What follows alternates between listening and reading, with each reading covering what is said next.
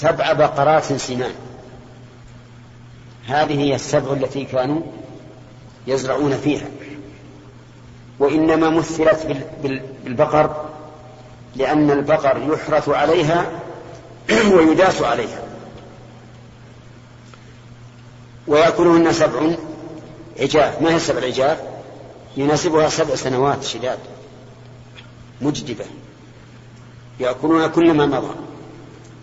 فلذلك فمن أجل هذه المناسبة أولها عليه الصلاة والسلام بهذا التأويل.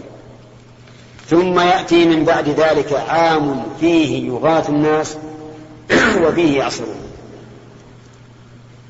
كيف توصل إلى هذا الاستنتاج؟ بأنه بعد السبع الشداد يأتي عام يغاث فيه الناس يغاث فيه أي تزال شدتهم ويعصرون أي تكثر عندهم الفواكه والأنعام حتى يكونوا يعتصرون هذه الفواكه. نقول علم ذلك بأن بأن العدد محدد سبع وسبع. وقال الملك يعني أن الرسول الذي أرسل رجع وأخبر الملك. فقال الملك ائتوني به. فلما جاءه الرسول جاءه ألها تعود على من؟ على يوسف. الرسول يعني من قبل الملك. قال أي يوسف ارجع إلى ربك. فاسأله ما بال النسوة اللاتي قطعن أيديهن؟ إن ربي بكيدهن عليم. وهذا من حلمه وأناته عليه الصلاة والسلام. هو سجين الآن وله مدة. وجاءه الملك وجاءه رسول الملك يقول احضر. وكان مقتضى الطبيعة الطبيعة البشرية أن يبادر يبادر بالخروج. لكنه أراد أن يخرج على شرف وعلى عزة وكرامة. أراد أن لا يخرج. والرحمة والتمريح والتقريب كما تقول الأم لابنها يا وليدي وكذلك الأب لا تقصص رؤياك على إخوتك فيكيدوا لك كيدا. يكيد هنا محذوفة النون. لماذا؟ للنصب. للنصب بفاء السببية أو بأن مضمرة بعدها على رأي البصريين. لأنها وقعت في جواب النهي لا تقصص والكيد هو التوصل إلى الإيقاع بالشخص من حيث لا يشعر. يعني بأسباب خفية تتوصل بأسباب خفية إلى الإيقاع بالشخص. هذا يسمى كيدا ويسمى مكرا ويسمى خداعا. فيكيد لك كيدا. إن الشيطان للإنسان عدو مبين. هذا تعليل لما يتوقع من فعلهم لو أنه قص عليهم الرؤيا ولكن وقع لهم أن كادوا له كيدا بدون أن يسمعوا بهذه الرؤيا كادوا له كيدا حسدا لما رأوا أنه في منزلة عند أبيه أكثر منه. فحصل منهم ما حصل وأجمعوا أن يجعلوه في غيابة الجب بعد أن تشاوروا هل يقتلونه أو لا. وهذه من ما كاد الله له أنه صرفهم عن القتل لأنهم لو قتلوا لم يحصل له ما حصل. وهو نظير صرف الله عز وجل لقريش حينما مكروا بالنبي عليه الصلاة والسلام. أن يقتلوه أو يثبتوه أو يخرجوه.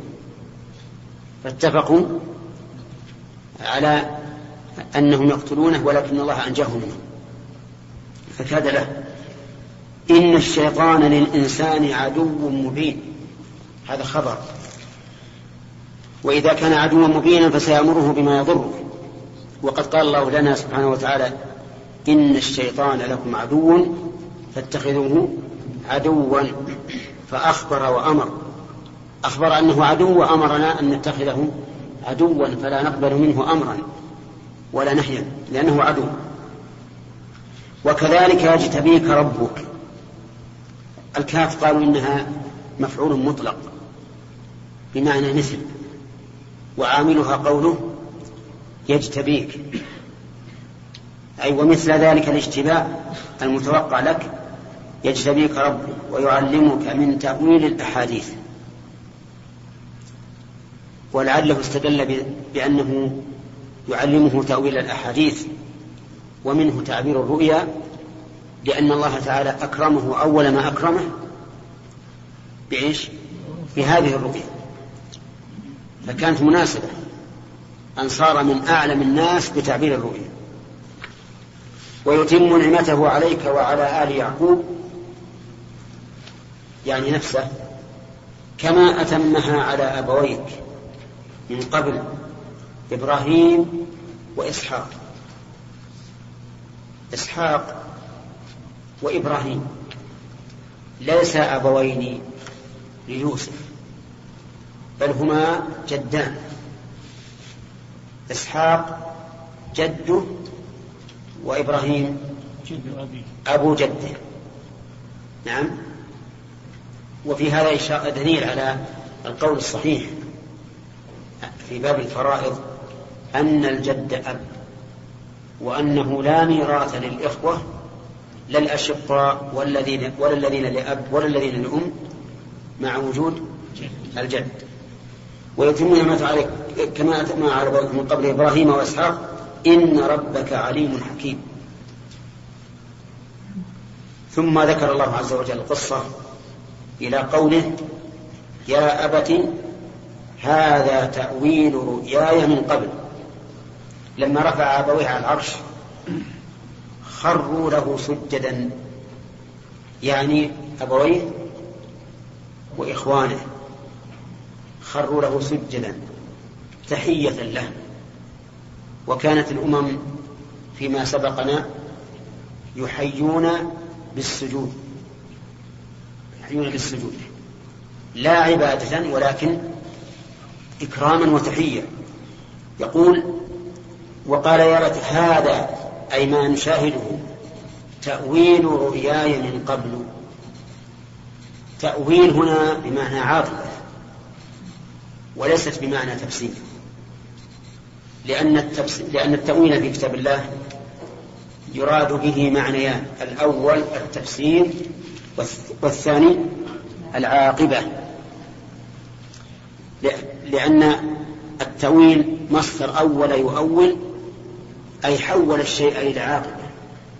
من آل يؤول وهنا لا يصح أن نقول إنها بمعنى التفسير لأنه يشير إلى أمر واقع إلى أمر واقع. فيقول هذا مآل رؤياي ووقوعها من قبل. والتأويل في القرآن يطلق على معنيين كما أشرت إليه المعنى الأول التفسير والمعنى الثاني العاقبة. ففي قوله تعالى هل ينظرون إلا تأويله؟ يوم يأتي تأويله يقول الذين نسوه من قبل قد جاءت رسل ربنا بالحق. المراد بالتأويل هنا الأخ. هل ينظرون إلا تأويله؟ يعني ما ينتظر هؤلاء المكذبون إلا تأويله. لا. الوقوع والعاقبة. يعني ما ينتظر هؤلاء إلا وقوع إلا وقوع ما أخبروا به. وأما قوله تعالى نبئنا بتأويله إنا نراك من المحسنين. فالمراد به التفسير. فسر لنا هذا هذا هذه الرؤيا. ومنه قول إمام المفسرين بالأثر ابن جرير رحمه الله القول في تأويل قوله تعالى ثم يذكر الآية. هذا تفسيره يكتبه تفسير مشهور معروف. هو إمام التفسير. يقول القول في تأويل قوله تعالى يعني في تفسير قوله تعالى. وأما التأويل عند عند المتأخرين وهو صرف اللفظ عن ظاهره إلى معنى يخالف الظاهر فهذا لا يعرف في الكتاب ولا في السنة بل هو اصطلاح حادث. لم يعرف إلا في في القرن الثالث فما بعده. نعم. يقول هذا تأويل قد جعلها ربي حقا. جعلها بمعنى صيرها. ولهذا نصبت مفعولين. وقد أحسن بي إذ أخرجني. إذ بمعنى حين أخرجني حين أخرجني من السجن. والسجن الذي سجن عليه كان سببه أنه أبى أن يجيب امرأة العزيز إلى ما دعته إليه. وقال رب السجن أحب إلي مما يدعونني إليه وإلا تصرف عني كيدهن. أصب إليهن وأكن من الجاهلين فاستجاب له ربه فصرف عنه كيدهن إنه هو السميع العليم ثم بدا له من بعد ما رأوا الآيات لا يسجننه حتى حين. أخرجه الله من السجن طاهرا عفيفا معززا مكرما. حتى إن الملك قال إيتوني به أستخلصه لنفسي. أي أجعله من خواصي وأقرب الناس إلي لأنه رأى منه ما, ما سره وما أعجبه. يقول إذا أخرجني من السجن وجاء بكم من البدو. يعني إلى المدن.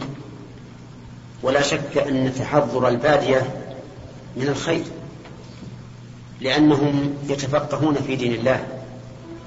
وهم في باديتهم أبعد عن معرفة حدود الله. قال الله تعالى الأعراب أشد كفرا ونفاقا وأجدر أن لا يعلموا حدود ما أنزل الله على رسوله. فإذا صاروا في الحاضرة وتعلموا وتفقهوا فهذا من إحسان الله إليهم. وفيه دليل على أن الإحسان إلى الوالدين أو الأولاد أو الأقارب إحسان للإنسان نفسه. لأنه يعني قال وقد أخرج بي وقد أحسن بي إذ أخرجني من السجن وجاء بكم من البدو. وفيه أن أفعال العبد مخلوقة لله كقوله وجاء بكم من البدو ومعلوم أن الله لم يأتي بهم يحملهم ولكنه قدر مجيئهم فجاءوا هم بأنفسهم. لكن لما كان فعلهم مخلوقا لله لما ولكن لما كان فعلهم مخلوقا لله ومرادا له قال وجاء بكم من البدو. من بعد أن نزغ الشيطان بيني وبين إخوتي أي أوقع بيني وبينهم تلك الوقيعة وتلك القطيعة. منهم ولا من؟ ها؟ منهم. إذا ألقوه في غاية الجب وتركوه نسأل الله العافية. إن ربي لطيف لما يشاء إنه هو العليم الحكيم. واللطيف مأخوذ من اللطف واللطافة وهو له معاني. فاللطيف بمعنى العليم بخفايا الأمور واللطيف بمعنى اللطف والرحمة. ويقال لطف به ولطف له. فاللام تبين الحكمة من هذا اللطف والباء للتعدية تبين محل اللطف. و والقرآن جاء بهذا وهذا. إن ربي لطيف لما شاء إنه هو العليم الحكيم. رب قد آتيتني من الملك. ربي منادى.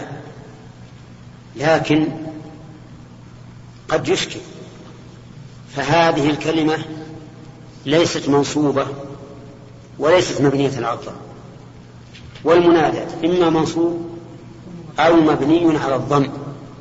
فلماذا جاءت هكذا ربي؟ والجواب على هذا الإشكال أن نقول أصلها ربي بالياء. فحذفت الياء تخفيفا وبقيت الكسرة دليلا عليها. وعلى هذا فنقول هو مبني على ضم مقدر على آخره منع من ظهورها منع من ظهوره اشتغال المحل بحركة مناسبة. رب قد آتيتني من الملك ولم يقل الملك لأن الملك كاملا لا يكون إلا لله عز وجل. قل اللهم مالك الملك تؤتي الملك من تشاء وتنزع الملك ممن تشاء. أما ما يملكه الإنسان فهو محدود. محدود. هذا ملك في أرض معينة ثم ملكه قاصر. لا يستطيع أن يتصرف كما يشاء بل إنما يتصرف في الحدود الشرعية. وعلمتني من تأويل الأحاديث أي تفسيرها. والمراد بالأحاديث جمع حديث ومنه الرؤيا التي يراها الإنسان. فاطر السماوات والأرض يعني يا فاطر السماوات والأرض والفاطر والبديع والمبتدع والباري والخالق واحد من البدء والفاطر قالوا إنه هو من خلق الشيء على غير مثال سبق. يعني خلقه لأول مرة ولم يوجد له نظير فيما سبق. فاطر السماوات والأرض أنت ولي في الدنيا والآخرة. أي متولي أمري في الدنيا والآخرة.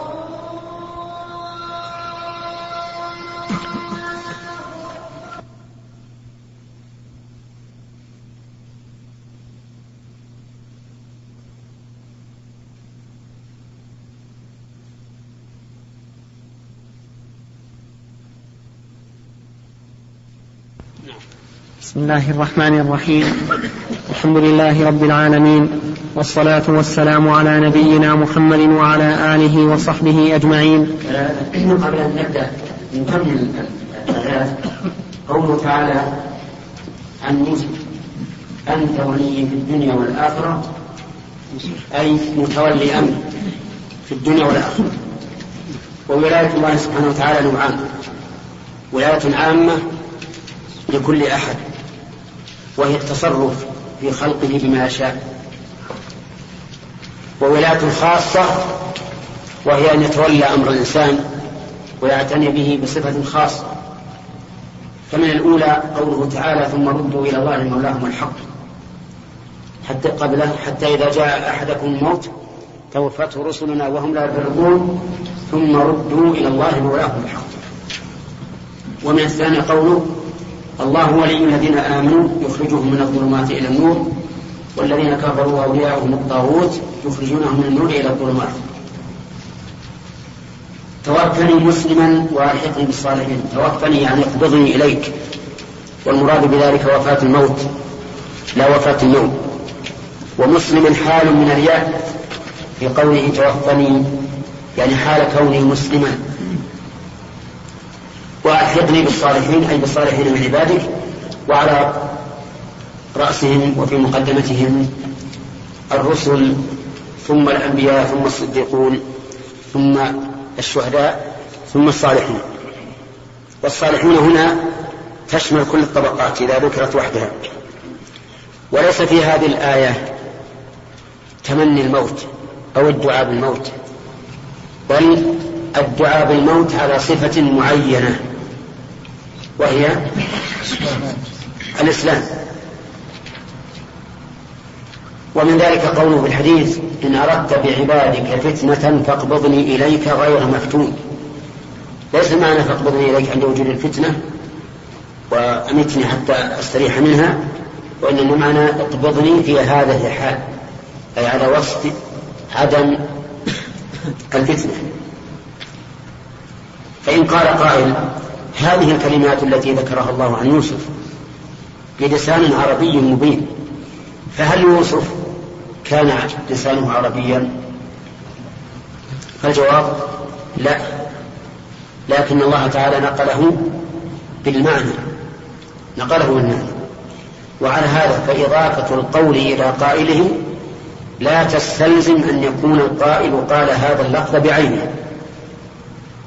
بل قد ينقل عنه إيش بالمعنى.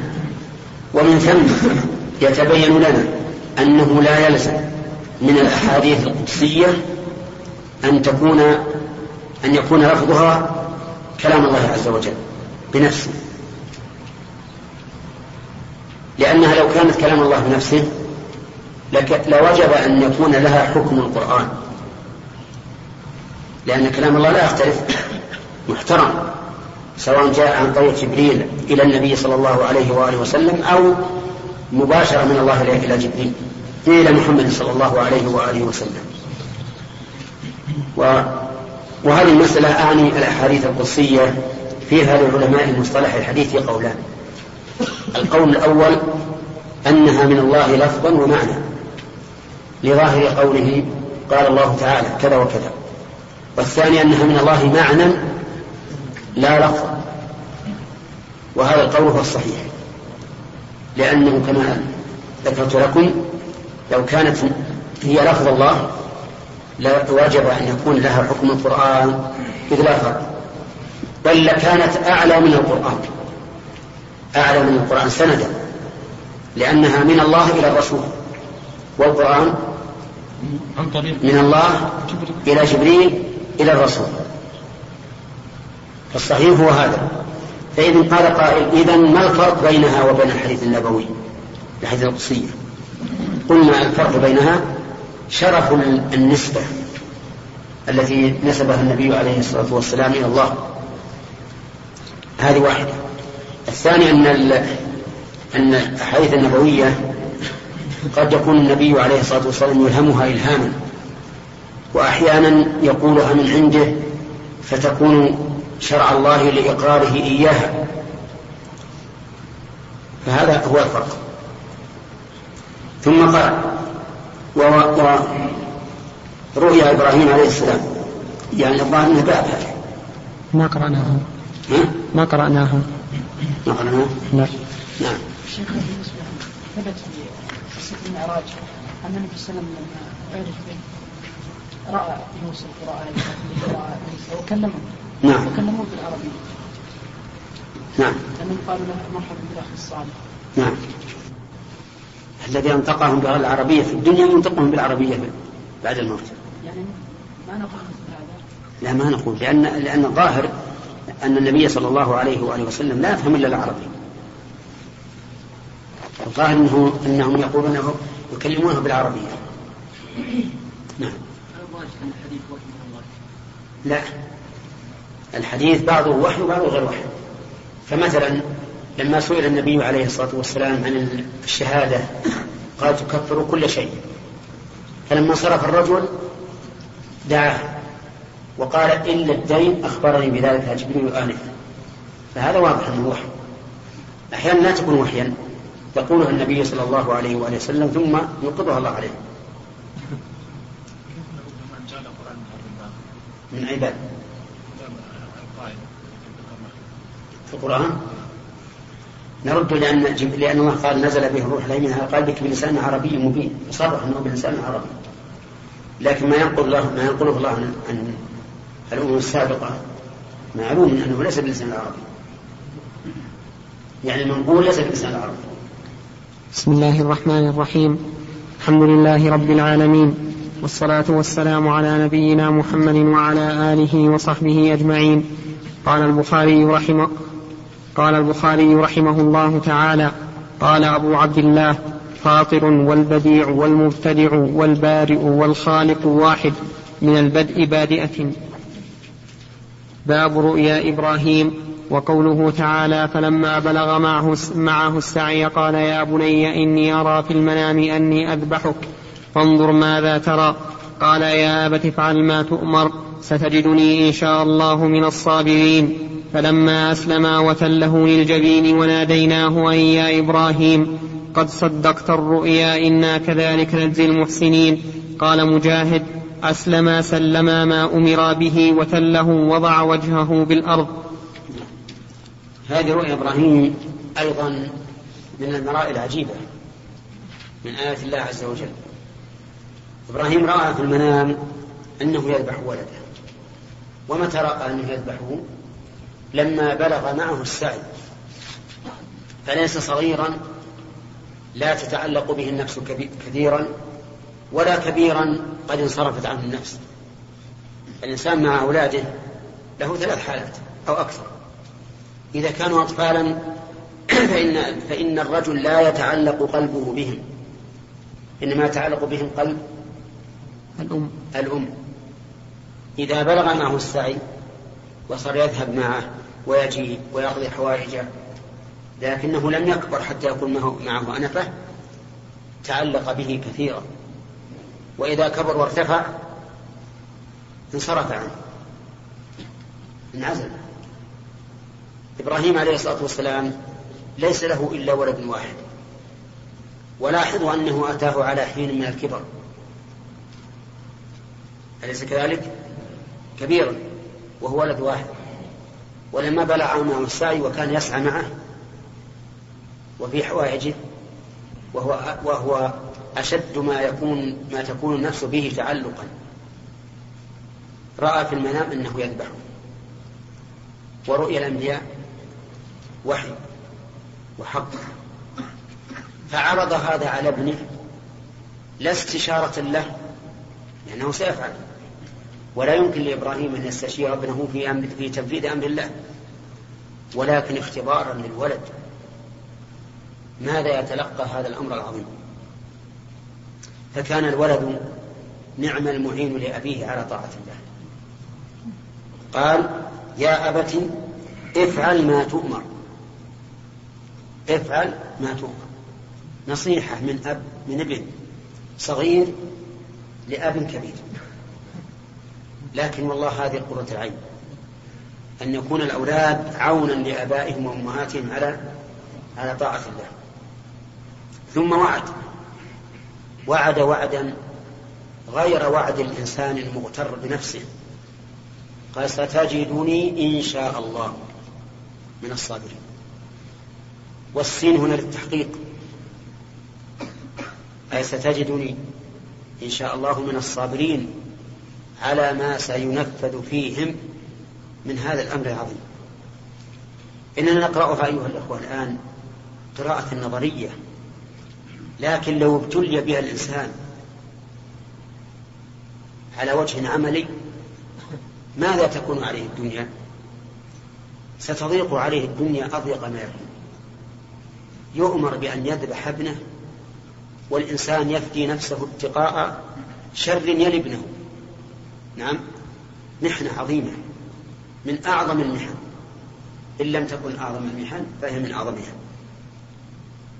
ولهذا قال ستجدني إن شاء الله من الصابرين. فعلم أن هذا أمر عظيم يحتاج إلى إيش؟ إلى صبر عظيم. صبر على طاعة الله وعن معصيته وعلى أقداره المؤلمة هو جامع بين الأنواع الثلاثة من الصبر. فلما أسلم من؟ إبراهيم وابنه الأب والابن أسلم يعني استسلم لأمر الله. وانقاد له. وسلم الأمر إلى الله. وتله للجبين. تله أبوه للجبين أي على الجبين. الجبين هذه جبهة أو أعلاها هكذا على الأرض. قال العلماء وإنما تله على جبينه لئلا ينظر إلى وجهه حين تقبل السكين عليه وهو يتمعر. خشي أن يفتتن وتعجز يده عن ذبح ابنه. تله على الأرض الجبين. امتثالا لأمر رب العالمين عز وجل الذي أوجدهما جميعا من العدم. وناديناه أي يا إبراهيم قد صدقت الرؤيا. الجواب جواب لما محذوف لأن لما شرطية تحتاج إلى شرط وجواب والجواب محذوف. فلما أسلم وتله للجبين تبين بذلك صدقهما وإخلاصهما وانقيادهما لله رب العالمين. حينئذ جاء الفرج في محله. أضيق ما يكون. واعلم أن النصر مع الصبر وأن الفرج مع الكرب وأن مع العسر يسرا. في هذه الحال الضيقة الضنك جاء فرج من الله. ناديناه. أي من بعيد. لأن النداء يكون من بعيد. أن تفسيرية. يا إبراهيم قد صدقت الرؤيا. أي نفذتها؟ وطبقتها. لأنه عمل ولم يتأنى ولم يسترخي عمل ولكن جاءت المنة من الله عز وجل بعد أن كتب له أجر هذه الطاعة العظيمة. أي أن يا إبراهيم قد صدقت الرؤيا. إنا كذلك نجزي المحسنين.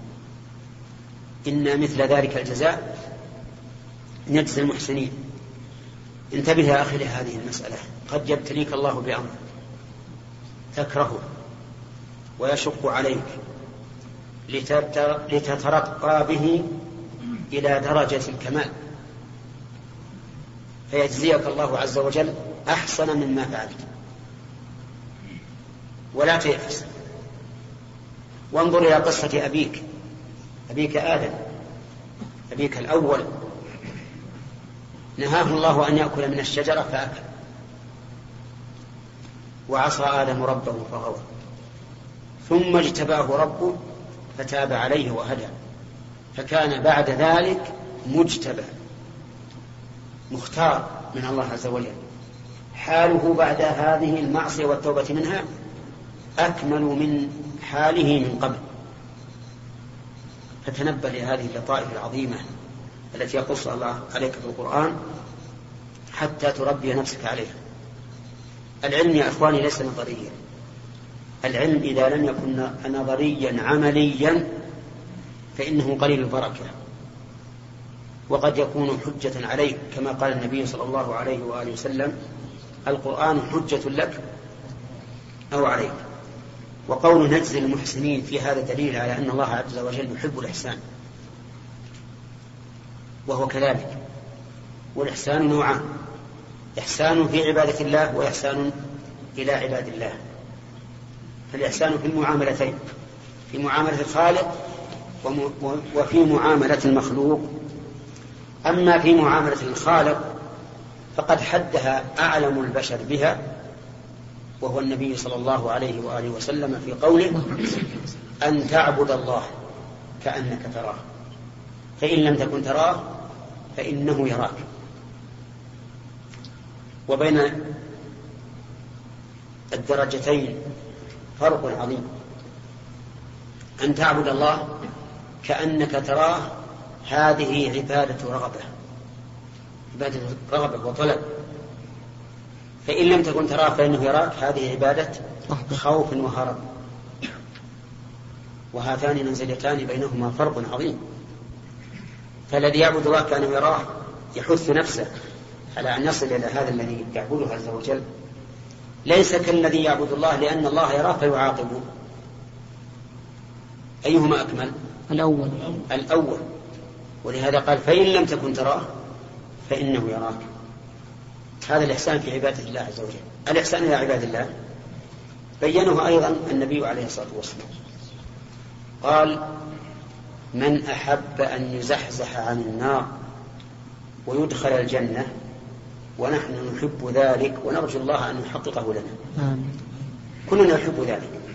من أحب أن يزحزح عن النار ويدخل الجنة فلتأته منيته وهو يؤمن بالله واليوم الآخر وليأتي إلى الناس ما يحب أن يؤتى إليه. هذا الحساب. ائت للناس ما تحب أن يؤتى إليك. يحقق قوله عليه الصلاة والسلام لا يؤمن أحدكم حتى يحب لأخيه ما يحب لنفسه. ما ظنكم لو أن المسلمين تعاملوا هذه المعاملة؟ هل يبقى في النفوس أحقاد أو بغضاء أو عداوات؟ أبدا. تمحى. لو تعاملنا بهذه الطريقة. لكن أكثرنا الآن يعامل الناس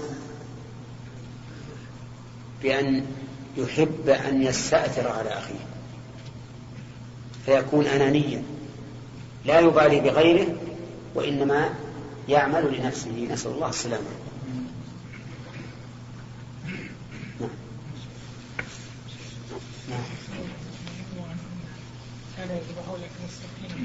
لا هذا كذب. كل هذا إسرائيل. كل هذا إسرائيل. أن السكين انقلبت ثم أعادها انقلبت ثم أعادها انقلبت. كل هذا ما صحيح. هذه من جنس الذي يروى عن النبي عليه الصلاة والسلام أنه لما دخل في غار حراء جاءت العنكبوت وعششت عليه. ثم جاءت حمامة ووقعت على شجرة على فم الغار فلما جاء قريش قالوا هذا ما في أحد. حمامة آمنة. نعم. وعش عنكبوت. ما في أحد. وهذا لا شك أنه إسرائيلي. هو إسرائيلي. خبر غير صحيح. لأن أبا بكر قال يا رسول الله لو نظر أحدهم إلى قدمه لأبصرته فالقوم قد وقفوا على فم الغار وهذا أعظم في آيات الله. أن الله أعمى أبصارهم وهم لو, لو شاءوا لأبصروه. لكن بعض الناس يأتي من في مثل هذه الأمور بالغرائب نعم. طيب هل يؤخذ من هذه من هذه القصة أن الإنسان لو رأى أنه يفعل شيئا فإنه يطلب منه أن يفعله؟ لا. لا لأن رؤيا الأنبياء وحي. حق أو وحي. أما رؤيا غيرهم فلا. فلو رأى الإنسان أنه يأكل خبزا هل نقول يسن لك أن تأكل خبزا؟ نعم. لا. طيب ولو رأى أنه يذبح ابنه؟ أبعد وأبعد. أبعد وأبعد. طيب لو نذر أن يذبح ابنه. ما يجوز. طيب ماذا يصنع؟ في خلاف. نعم. في خلاف. يرى بعض العلماء أنه يكفر بشاة قالوا كما فدى إبراهيم ابنه بذبح عظيم. فإذا نذر أن يذبح ابنه قلنا لا تذبح لأن حرام عليك. لكن اذبح شاة فداء عنه. وقال بعض العلماء شريعتنا وردت بخلاف ذلك. وهي أن يكفر كفارة يمين. لأن كل نذر معصية لا يجوز فعله ولكن يكفر عنه كفارة يمين. نعم علي؟ نعم. الذبيح هو إسماعيل متعين. وقد قيل إن القول بأنه إسحاق من كلام اليهود. لأن إسحاق جدهم وإسماعيل جدنا. جد العرب. وأن أصل هذا القول منشأه من بني إسرائيل. هم الذين روجوه. وإلا فالآية واضحة. قال عز وجل قد صدقت رؤيا أنك ذلك المسين إنه من عباد المؤمنين. وبشرناه بإسحاق نبيا من الصالحين. ولا ذكر الله بعد هذه البشارة ابتلاء. ابتلاء. ثم البشارة جاءت بعد قصة إسماعيل. الذبح كاملة. ثم إن الله سبحانه وتعالى فرق بين إسماعيل وبين إسحاق. إسحاق قال عنه في موضعين بغلام عليم. وإسماعيل قال